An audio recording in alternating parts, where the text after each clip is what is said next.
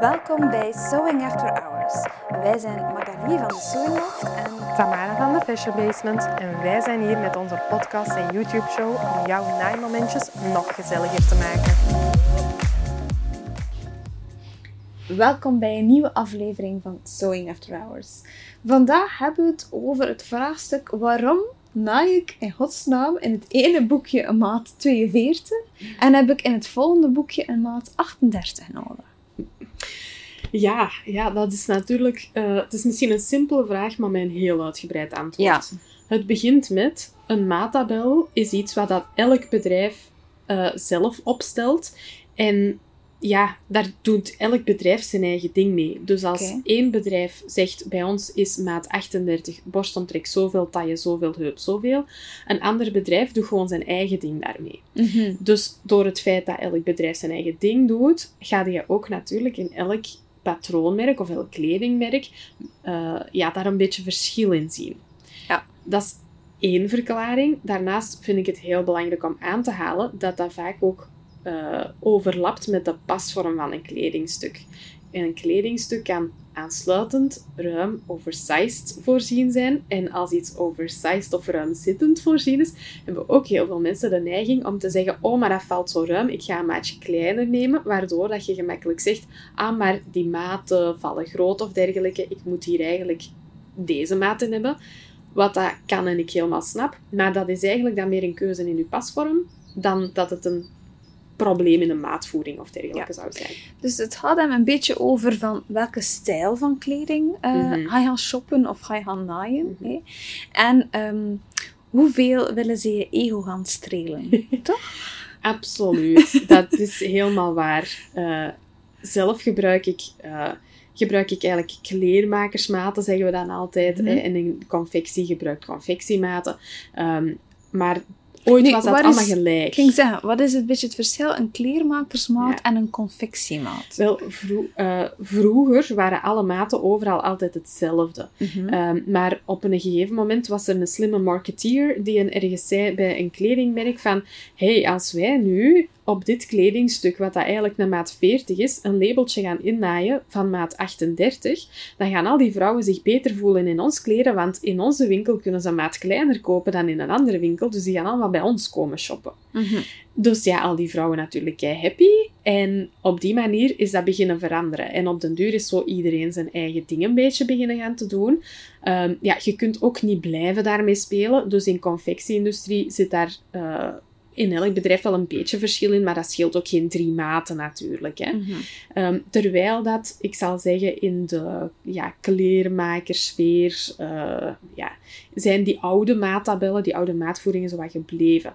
Maar natuurlijk is dat ook wat afhankelijk. De hedendaagse uh, naaipatronen, ja, die spelen ook in op die confectiematen. Want ja, ik merk dat heel vaak als studenten bij mij zeggen, oh, maar ik heb hier een maat 46 nodig en in de winkel of in een ander boekje, in een ander patroon heb ik maar maat 44 nodig, dan gaan ze al gemakkelijker dat patroon links laten liggen, terwijl dat is maar een cijfer. Het gaat alleen Ja. over de pasvorm. Maar dat is toch mentaal, ja, mentaal doet dat iets. Mentaal is, is dat zwaar. En er zijn mensen die zeggen, ik weiger om een 48 te tekenen. Ja. Bijvoorbeeld. Ja.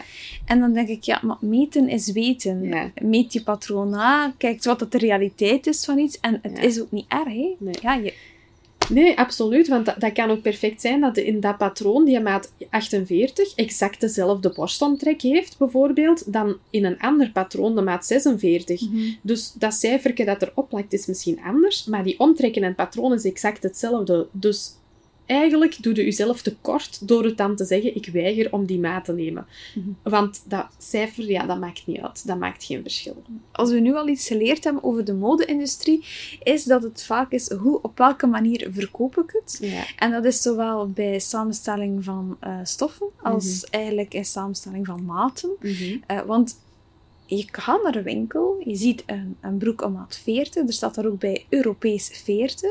Dan ga je naar een andere winkel, ook Europees 40, maar dan zou je toch denken dat dat gelinkt is aan die Europese maattabel. Ja, er zijn ook effectief Europese BIN-normen, zullen we maar zeggen. Ja. En eh, die BIN-normen, dat zijn vastgestelde maten die eigenlijk opgesteld zijn door een gemiddelde van de, van de Europese vrouw, zal ik maar zeggen, Mhm. eh, ja, op te meten en van daaruit een gemiddelde te trekken om die maattabel te maken. Dat zijn ook maattabellen die ik zelf altijd gebruik. Ja. Die maattabellen verschillen ook allemaal per continent eigenlijk. Want wij hebben Europese vastgestelde maattabellen, maar er zijn ook in Azië en in Amerika, in Australië, ehm, zijn er ook zo'n maattabellen. En die zijn allemaal ja, eh, ja, vastgesteld, gemaakt op basis van de gemiddelde persoon in dat continent. Ehm, met alle respect, ik moet er geen tekeningsje bij maken, dat de maten in Amerika, Europa, Azië heel andere maten zijn. Mhm. Een 40 hier en een 40 ginder is iets compleet anders. In Mhm. Azië veel smaller en korter. In Amerika breder en ja, langer niet per se, ook een beetje. Maar ja, dus daar zit echt wel een verschil in.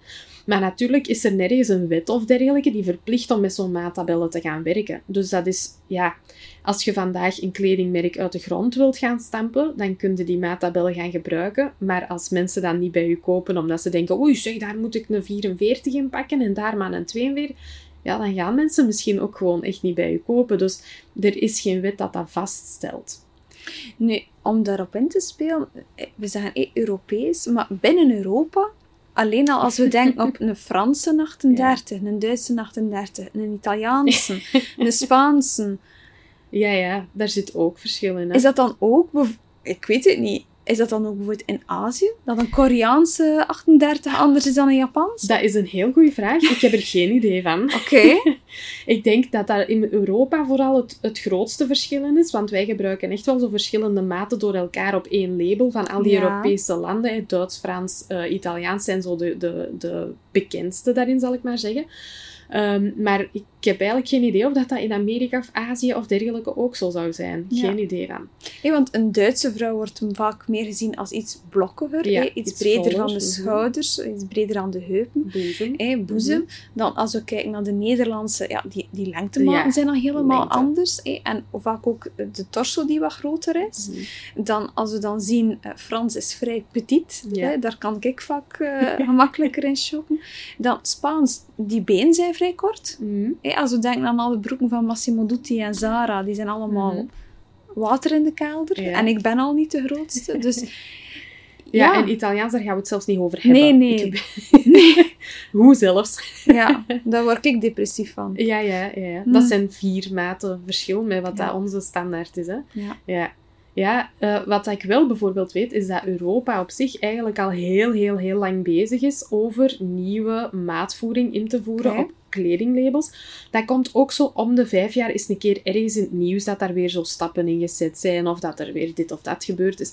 Maar dat is echt al enorm lang bezig. Ik weet dat ik daar, ik denk, oh, dat gaat ondertussen, dat is meer dan tien jaar geleden. Ik denk 12, 13 jaar geleden heb ik daar al een nascholing over gevolgd, over waar dat ze op dat moment toen zaten. Ondertussen is dat er nog altijd niet. Ik geloof ook Ja. oprecht niet meer dat het er ooit gaat komen. Ehm, maar ze zijn ergens in de jaren 2000 begonnen met eh, heel veel vrouwen in Europa in bodyscanners te steken Mhm. om van daaruit eigenlijk nieuwe maattabellen zogezegd te gaan trekken. Maar ze wilden eigenlijk komen tot een punt waarbij dat in een maatlabel niet meer 38, 40, 42 en zo verder staat, maar dat daar eigenlijk cijfers in gaan staan. Dus bijvoorbeeld als je een jurk koopt, ik ga ineens het meest extreme voorbeeld geven. In de jurk heb je heel veel verschillende punten dat moeten passen. Uw borst, uw taille en uw heup zijn eigenlijk drie basispunten. Dan laat ik nog even uw schouder, uw halsuitsnijding en alle lengtematen buiten beschouwing, want dat zijn er ook nog heel veel. Maar laat ons dan al zeggen die drie basismaten van borst, taille en heup. Ehm, om die eigenlijk in cijfers op, de kleding, allee, op de maatlabel Ja, ja. te zetten. Dus dat je bijvoorbeeld in een, win eh, pardon, in een winkel komt en dat je een jurk uit het rek neemt en dat je op het maatlabel bijvoorbeeld ziet staan, ik zeg maar iets, hè, 104, 85, 112. En dan Mhm. weet je eigenlijk, ah, de borst, de taille en de heup zijn die omtrekken. Ehm, waarmee dat je dus weet dat je daar gaat kunnen inpassen of niet. Of dat dat voor u gaat zijn of niet. Want we weten allemaal, Uh, jurken zijn het een van de meest uitdagende kledingstukken voor vrouwen om te kopen. Een broek is het meest uitdagende, maar jurken ook wel, zeker als het een meer aansluitende jurk is. Want uw borst, uw taille en uw heup vallen niet in dezelfde maat. Als je wel zo'n lucky bitch bent, dan heb je echt de loterij gewonnen. ik zeg het echt met jaloezie, hè? Ja, ja, ja. niet negatief, maar echt met jaloezie. nee, dat is niet waar. Ik ben er niet jaloers op. Um, want ik los dat gewoon zelf op. Ja. Maar, uh, um, maar dat is echt zeer uitzonderlijk. En in een jurk gaan de meeste vrouwen ofwel um, uw schouders goed doen passen en dan zit het heel krap bij uw buik en of uw kont. Mhm. Ofwel neem je een maat die dat aan uw buik en kont goed zit, maar dan verzuipt je erin aan uw hals en aan uw schouders. Dus dat zou zeker wel een heel goede oplossing zijn om je een beter beeld te geven van iets als je aan het winkelen bent. Uiteindelijk in praktijk denk ik dat dat weinig gaat veranderen omdat je nog altijd blijft zitten met de verhoudingen die dat gebruikt worden. Maar je weet tenminste of dat je er gaat in kunnen ja. En of dat je, dat, eh, dat je het moet gaan testen in het ja of nee. Ja. Het geeft wel een eerlijker beeld. En een mhm. beetje meer het beeld zoals wij ook kennen als we gaan naaien. Dat we kijken mhm. in die maattabel. Maar ook wij als naaisters, we staren daar ons een beetje blind op. Zeker mhm. als die maten verspringen. Dan gaat er onder dan één belletjes af. En dan zie je wel, mijn buik die is enorm. Of mijn billen zijn enorm. Of mijn borst is toch wel heel klein. En uh, ik pas niet binnen de norm van dat rijtje. Ja, en vooral die heup, die zit zo vaak ineens twee maten verschillen. Zo, je hebt je borst en je taille die vaak nog één maatje van elkaar verschillen. Maar die heup kan dan zo echt gemakkelijk twee, drie maten verschillen of meer. Ik bedoel, in heel veel maattabellen, als ik ga kijken, dan valt mijn heup ergens gewoon buiten de categorie. Hè. Staat er gewoon niet meer tussen. Dat ik denk, oei, ben ik dan zo extreem? Ik denk toch niet dat ik zo ver buiten gemiddeldes val ergens of zo. Dus vandaag hoor je het. Het is compleet normaal dat dat verspringt en ook zo extreem ja. verspringt. Ja, en ik ga er ineens even een tip bij geven. Je mocht daar niet naar kijken. Dat is nu misschien even uh, een zijsprongetje, maar ik wil dat echt in deze context meegeven.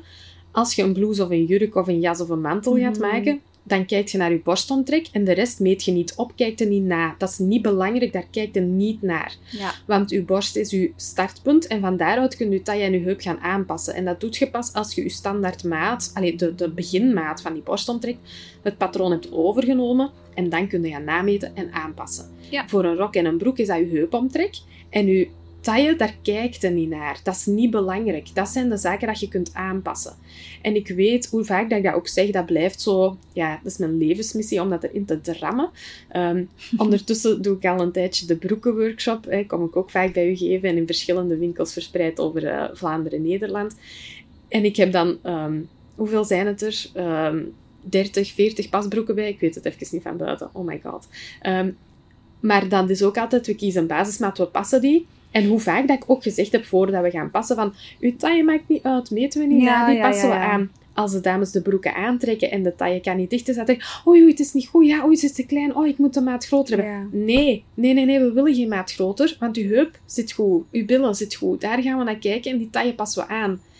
Maar ja, kijk. Dus ik wil dat gewoon even meegeven. Uw borst en uw heupomtrek zijn twee afzonderlijke maten als basis. Die meet je naar. Al de rest kijkt er zelfs niet naar. Die maattabel, je kijkt maar naar één ding. Al de rest niet naar kijken. Nee, maar dat is ook een kwestie van dat we onze eigen fouten altijd veel groter zien. Mm op een ander is dat makkelijker te zeggen van, oh, trekt u daar niet van aan? We hebben allemaal kleine dingetjes. Uh, we hebben het er vandaag achter de schermen over gehad, dat ik zei van, oh, ik stoor me altijd enorm aan mijn litteken dat op mijn arm is. Ja, dat is achter een ongeluk gebeurd. Mhm. En ik zie dat en ik, ik ga dat heel vaak wegsteken. Mhm. Ik merk van mezelf dat ik het nu ook weer een beetje doe. Maar... Um, en ik zie dat zelfs niet. Ik vergeet altijd dat je dat hebt. En als je erover begint, dan denk je, ah, dat is juist, maar je leeft een litteken. Ik weet dat helemaal. Ik vergeet dat echt, omdat ik dat echt niet zie. En wij hebben allemaal dingen die ons triggeren, of dat we anders zouden willen. Of ja, dan denk ik, oh, ik zou wel wat meer billen willen. En als ik dan een broek aan doe, ziet wel, mijn billen zijn plat.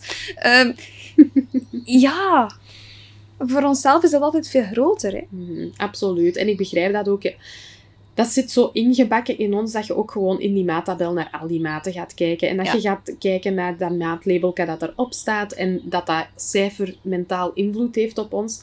Ehm, of gewoon willen passen in het hokje, in het rijtje. Ik denk dat het eerder dat is. En dat je voelt van, oké, mijn lichaam is normaal, mijn lichaam is goed verdeeld. Hmm. Ja, het hmm. is ook maar een indicatie. Absoluut. En uh, wat ik ook echt heel, heel hard merk, is dat ehm, de dames al leren meer bezig zijn met dat patroon nameten en aanpassen, of nog een stap verder gaan en leren Mhm. patroon tekenen.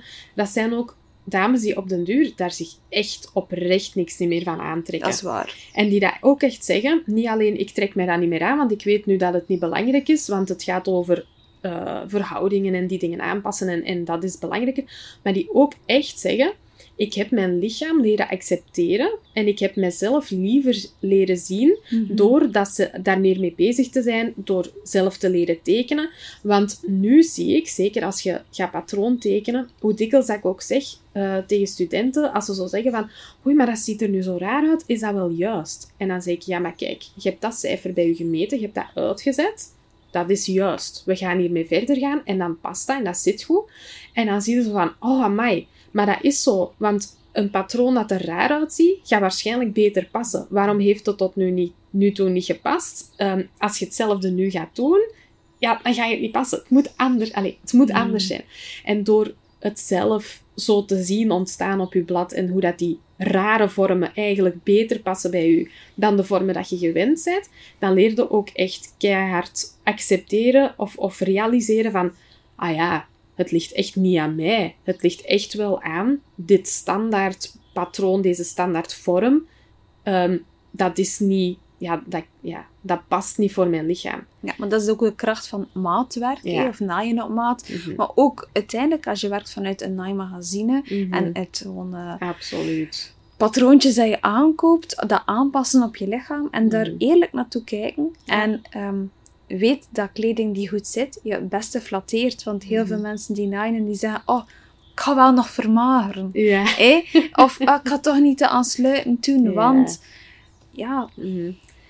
Absoluut, absoluut. En we hebben allemaal zo van die stofjes dat we ook in de kast laten liggen. Want ik ga nog wat afvallen en dan pas ga ik in dat stofje Ja. knippen. Want en dan pas ik dan verdien maar- ik een mooi stofje. Ja. Precies. Echt, ja. hè? Ja, Ja. want eh, ja, we hebben het daar straks er al even ook eh, onder ons over gehad. Een, eh, een tijdje geleden ben ik ja, wel wat afgevallen, maar dat is ook alleen maar kunnen gebeuren door het feit dat ik echt voor mezelf meer terug beginnen naaien ben Mhm. en dingen die dat ik leuk vind en de mooie stofjes uit de kast heb gehaald en je zegt, bon, ik ga ze niet meer laten liggen, ik ga er gewoon nu aan beginnen.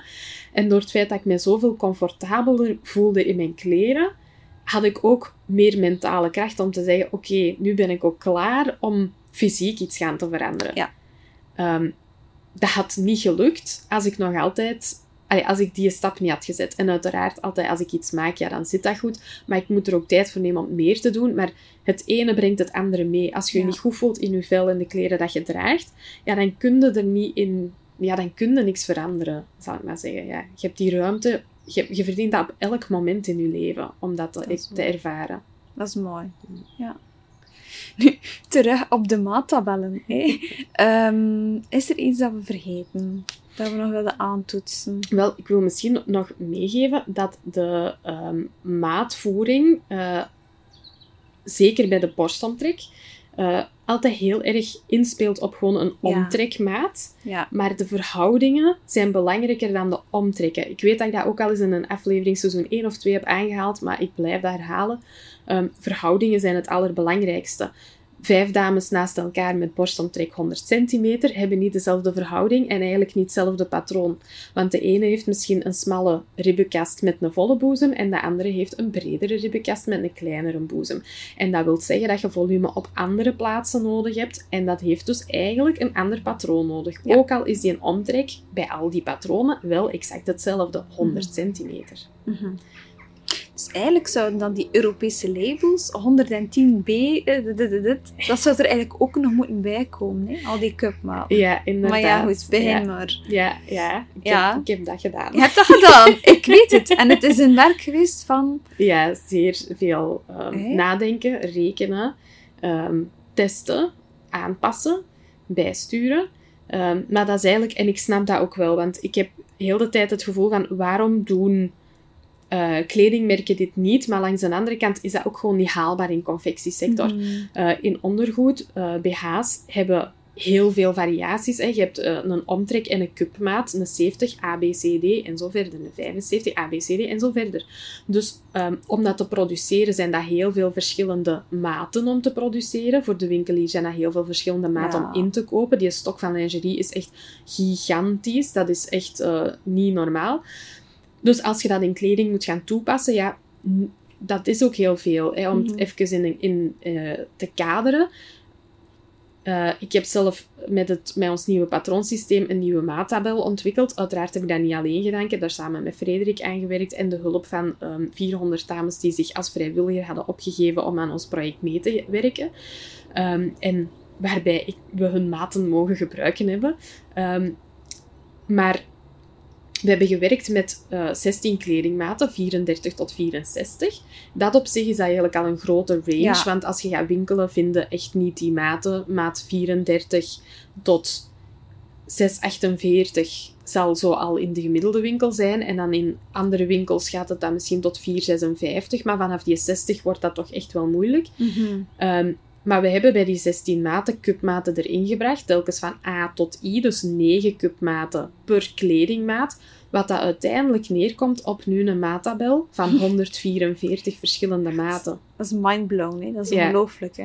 Maar natuurlijk, ja, kun je dat als confectiebedrijf gaan doen, om dat effectief in je kledinglijn te brengen. Dat is bijna niet te doen.